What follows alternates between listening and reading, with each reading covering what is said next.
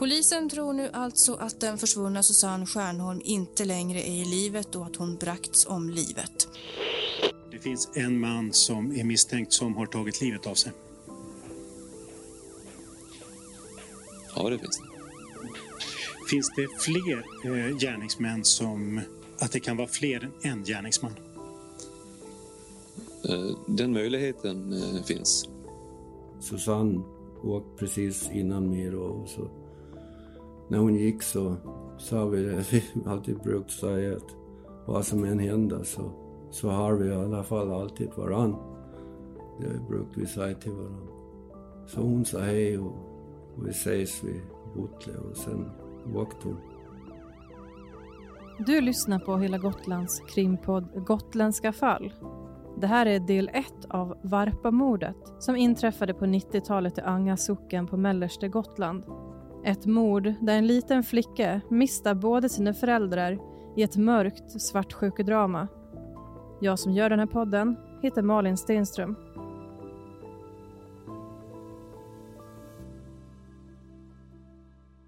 Den 9 oktober 1995 försvinner 30-åriga Susanne Stjärnholm, ett av Gotlands största varpalöften genom tiderna. Detta efter att hon har åkt för att hämta sin ettåriga dotter hos sin före detta sambo Kjell. När Susanne aldrig kommer hem under kvällen börjar hennes nya pojkvän, Klasse, att leta efter henne längs med vägarna och han ringer deras anhöriga. Klockan två på natten ger han upp och åker in till Visbypolisen och anmäler henne försvunnen. Under dagarna som följer inträffar saker som anhöriga och polisen än idag ställer sig frågande till. Vad är det som får Kjell att skjuta sig själv i huvudet med ett avsågat hagelgevär? Vem kör Susannes bil till hamnen och har den misstänkte mördaren en medhjälpare? Det här är ett brottsfall som inte är särskilt omskrivet i media eftersom det aldrig ledde till åtal efter att Kjell begick självmord. Men ju mer vi nystar i fallet, desto mer inser vi att det kvarstår många frågetecken som behöver rättas ut.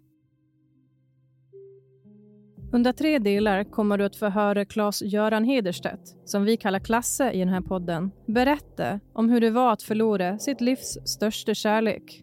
Vi hör också kriminalkommissarie Sune Jakobsson som ledde utredningen. Och vi pratar med kvinnan som satt anhållen, skäligen misstänkt för medhjälp till mord, men som aldrig åtalades eftersom misstankarna inte kunde styrkas. Vi har också varit i kontakt med dottern som var ett år gammal vid mordet och som polisen tror befann sig i huset när hennes mamma mördades. Hon avstår dock från att medverka i podden. Det var en sommarstuga ägaren som, som ringade till oss och sa att det finns en, ett blådigt paket som står lutat mot en eh, vedstapel, har jag för mig det var. Eh, på väg mot Slite då. Jag kan ju nog höra hennes röst ibland. Eh, Hur hon låter liksom. Nu ska vi tillbaka till början av 90-talet när Susannes och Klasses kärlek börjar ta fart. Då har de redan känt varandra i flera år för de träffades för första gången när de var barn när de gick årskullarna efter varandra på Romaskolan. I skolan så, hon var ju bara år yngre än mig så att säga, så vi gick ju i Roma tillsammans. Så man var ju förtjust i henne, det har man väl alltid varit så. Att Klasse ställer upp på den här intervjun var inget vi tog för givet eftersom han aldrig pratat med media om Susanne. Efter att hon försvann försvann också Klasse från Varpaplanen. Först nio år senare skrev Gotlands tidningar om Klasses comeback där han förklarade att det var ett diskbrock som tvingat honom att sluta 1995. Ja, och diskbrock fick han, men det var bara en liten del av den riktiga anledningen. Men den här gången berättar Klasse hela sanningen. Det, det blev ju så tomt. Jag, jag höll inte i en varpe på fem år efter det här. För jag, det var något som fattades liksom på varpplanen. Det, samtidigt som man eh, kanske kände att eh, det tisslades och pratades och jag vet inte. Det, jag tänker på henne eh, nästan varje dag. Och det känns ju konstigt att säga det när man har varit gift i 20 år efter. Liksom. Men... När vi först kontaktar Klasse för att berätta om den här podcasten svarar han i ett sms. Hej Malin, jag pratar gärna med dig om Susanne Stjärnholm. Jag tänker ofta på henne och saknar henne mycket. Trots den korta och jobbiga tid vi fick tillsammans som par är hon mitt livs största kärlek.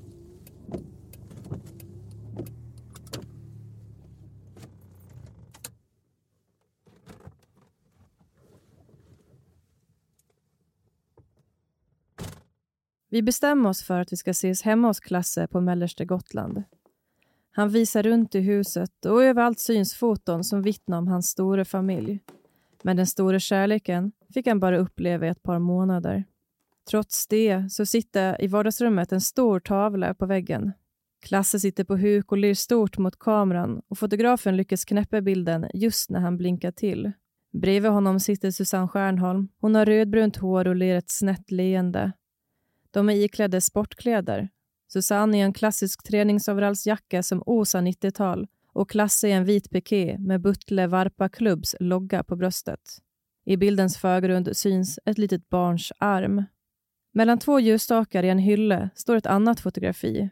Det är en svartvit bild. Susannes halva ansikte täcks av en varpe och hon är fokuserad i blicken. På spiskransen i ett annat rum står ett till foto. Två solbrända personer tittar in i kameran med stora leenden. Klasse har sin arm om Susanne. Bilden ser ut att vara tagen vid samma tillfälle som det stora fotografiet i vardagsrummet. Antagligen har de just skördat ännu ett guld när bilden tas. Vi sätter oss vid matbordet i köket. Utanför fönstret dånar lastbilar på den vältrafikerade vägen. Klasse berättar om hur det gick till när han och Susanne bildade par på Varpaplanen. Efter att Susanne förlorade i en SM-final så började Klasse hinta lite om att hon kanske skulle byta till hans klubb i Buttle så att de två kunde tävla tillsammans. Man kan ju undra om det var varpan eller attraktionen som lockade mest. Ja, det ska vi inte gräva vidare i, men Susanne nappade i alla fall på erbjudandet. Så 1993 gick hon över och det nya röda paret skulle komma att skörda många guld. Och på Varpaplanen spenderade de allt mer tid med varandra. Flera gånger i veckan tränade de och tävlade ihop och ju mer tid de spenderade tillsammans, desto närmare kom de varandra. Och de insåg snart att de inte bara delade intresset för idrotten.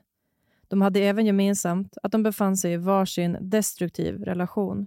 Om inte Susanne och jag hade börjat prata mycket om vad hur vi hade på vårt respektive så tror jag att jag till slut hade blivit alkoholist eller gått onda helt enkelt. Även Susanne mådde väldigt dåligt. Utåt sett, på alla tävlingar, var hennes partner Kjell väldigt omtänksam och ansvarstagande. Men i hemmet rådde en annan verklighet.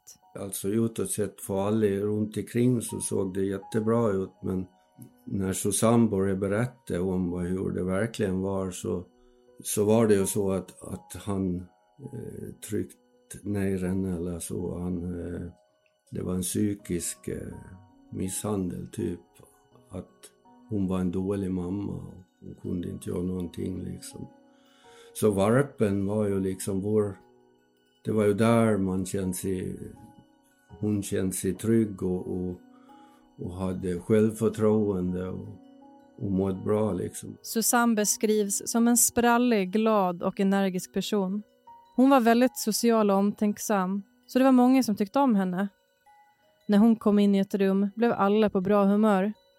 Även Kjell uppges ha varit en omtyckt person. Han beskrivs som charmig och snäll. En arbetsvillig och familjekär man med mycket humor. Men han beskrivs också som en knepig och ostabil person som kunde göra en nervös. Anhöriga berättar att det fanns sidor av honom som inte var så bra. Sidor som gjorde att vissa anade oråd innan mordet.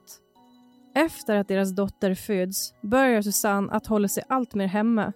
Hon går ner mycket i vikt och slutar träffa sina vänner. Det sägs att Kjell manipulerade henne till den grad att hon började ta avstånd från sin egen familj. Samtidigt som Susanne och Kjell blir föräldrar börjar det florera rykten om att Susanne är otrogen med Klasse. Något han dementerar idag. Alltså det här med att det, det blev ju rykten om att vi skulle ha haft, eh, varit otrogna typ och att vi separerade tack vare att vi hade ett förhållande innan så att säga. Men det var faktiskt inte riktigt så. vi hade inte ligg med varandra innan vi separerade den kvällen när hon flyttade ifrån och jag flyttade hemifrån så att säga. Innan dess hade vi ingen sexuell relation. Men ryktena om en otrohetsaffär tar extra fart sommaren 1995 efter en tävling i Sätravik. Då får nämligen några kastare från Hablingbo syn på att Susanne och Klasse går in i samma hotellrum. När vi skulle gå och lägga oss och, och så vidare så, så blev det så att Susanne gick in på sitt rum och sen gick jag med in till henne. Och eh, de här killarna var kvar utanför ett tag och vi satt och, eller vi satt och snackade hela, ja nästan hela natten där. Och då kom det här ryktet igång då att vi hade ligg med varandra. Och, och jag tror det var de som gjorde att Kjell blev svartsjuk. Senare samma sommar hamnade alla tre i ett bråk på en varpafest efter ett distriktsmästerskap på Gotland. Klasse berättar att han ser Susanne och Kjell tjafse, så han bestämmer sig för att gå emellan. Efter konfrontationen vänder sig Klasse för att gå in igen, varpå Kjell ska ha slagit honom bakifrån över kinden. Och det blir droppen för Susanne. Samma natt kliver hon och Klasse på en buss från Varpafesten och åker till hennes och Kjells hus i Anga.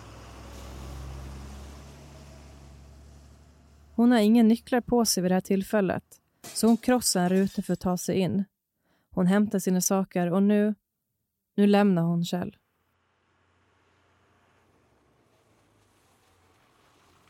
Medan Susanne hämtar sina saker står bussen kvar och väntar. Därefter åker de vidare mot Buttle och hoppar av i Klasses bror, där de båda sover kvar. På morgonen därpå vet Klasse vad han behöver göra, så han åker hem till sin dåvarande partner som genast frågar var han har varit under natten. Ett stort bråk utbryter och Klasse berättar att han är kär i Susanne och att han vill separera. Samma dag flyttar han också därifrån. Nu har de båda lämnat sina destruktiva relationer och kan äntligen göra det de har längtat efter. Att vara med varandra. Han har aldrig varit så kär i någon som jag var då. Trots att det var så jobbigt. Livet börjar om på nytt för dem. Men trots deras starka kärlek till varandra så får de aldrig uppleva den där nykära bubblan. För samtidigt som Klasse och Susanne äntligen kan inleda sitt liv tillsammans så är deras tidigare förhållanden ständigt närvarande. Det är nu som Kjell, enligt anhöriga och även polisen, börjar planera att mörda Susanne. Innan Klasse flyttar in i Susannes lägenhet i Kräklingbo så hyr han ett hus långt in i skogen i Buttle. Och vid ett tillfälle, när han får skjuts hem av en bekant som även är vän med Kjell, så reagerar han på att Klasse vågar bo så ensligt. Och han varnar honom. Hur fan vågar du bo här själv? För sakran, koll bilen, koll, koll bromsa, koll, säg, var noga med och koll allting liksom.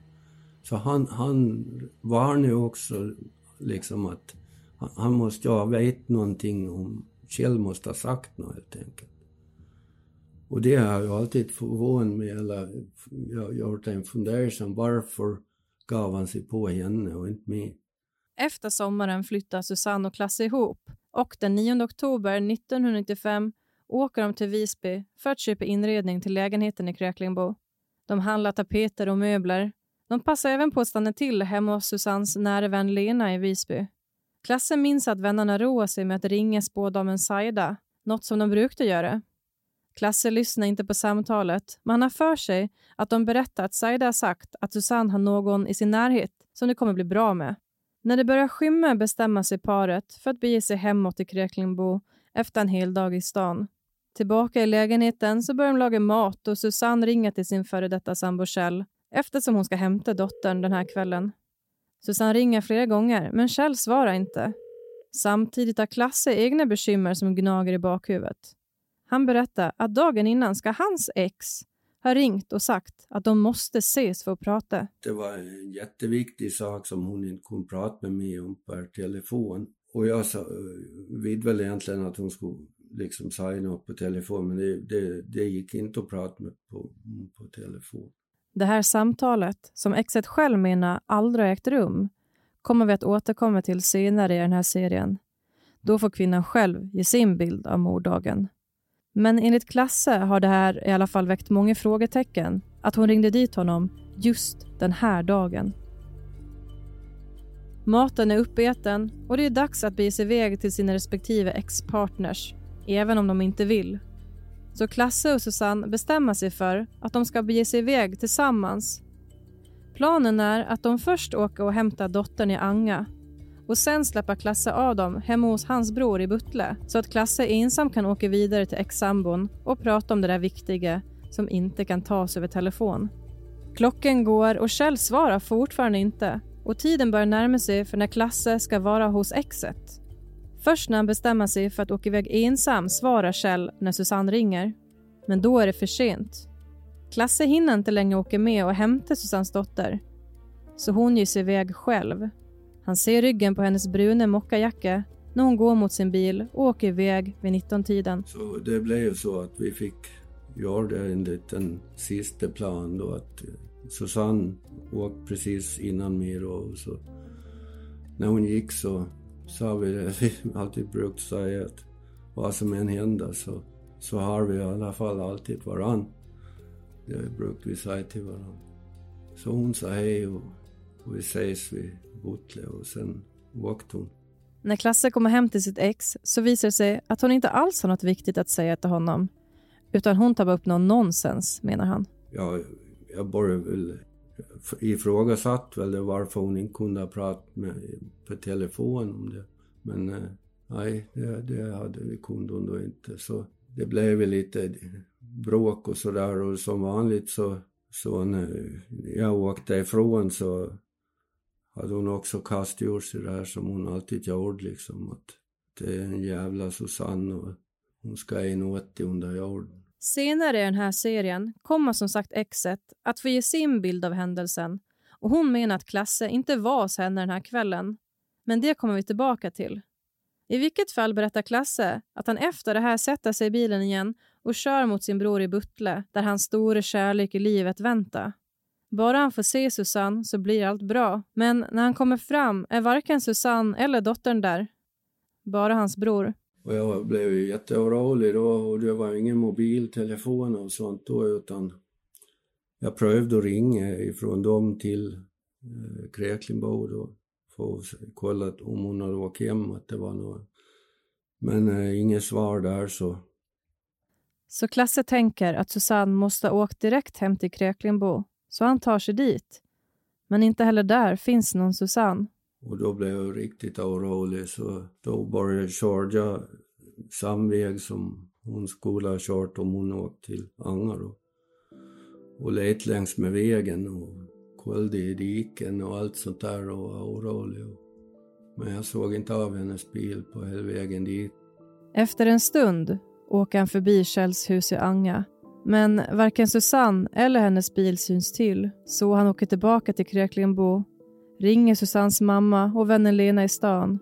Men ingen vet någonting. Mörkret och oktobernatten gör sig allt mer påmind och rädslan för vad som kan ha hänt Susanne kryper sig allt närmare. Så klockan två på natten åker Klasse in till polisen i Visby och en anmälan om en försvunnen person upprättas. I nästa avsnitt får du höra Klasse berätta om sitt förtvivlade sökande efter Susanne och vi ska också få höra den idag pensionerade polisen Sune Jakobsson som berättar om kollegorna som var meter från Kjell när han sköt sig själv. Ja, det är klart, det är en väldigt obehaglig upplevelse för någon meter till så kunde det ha varit de som har varit i, uh, framför pipan. Va? Du har hört podcasten Gotländska fall med mig, Malin Stenström. Producent var Demir Lilja och det här är en produktion av Hela Gotland.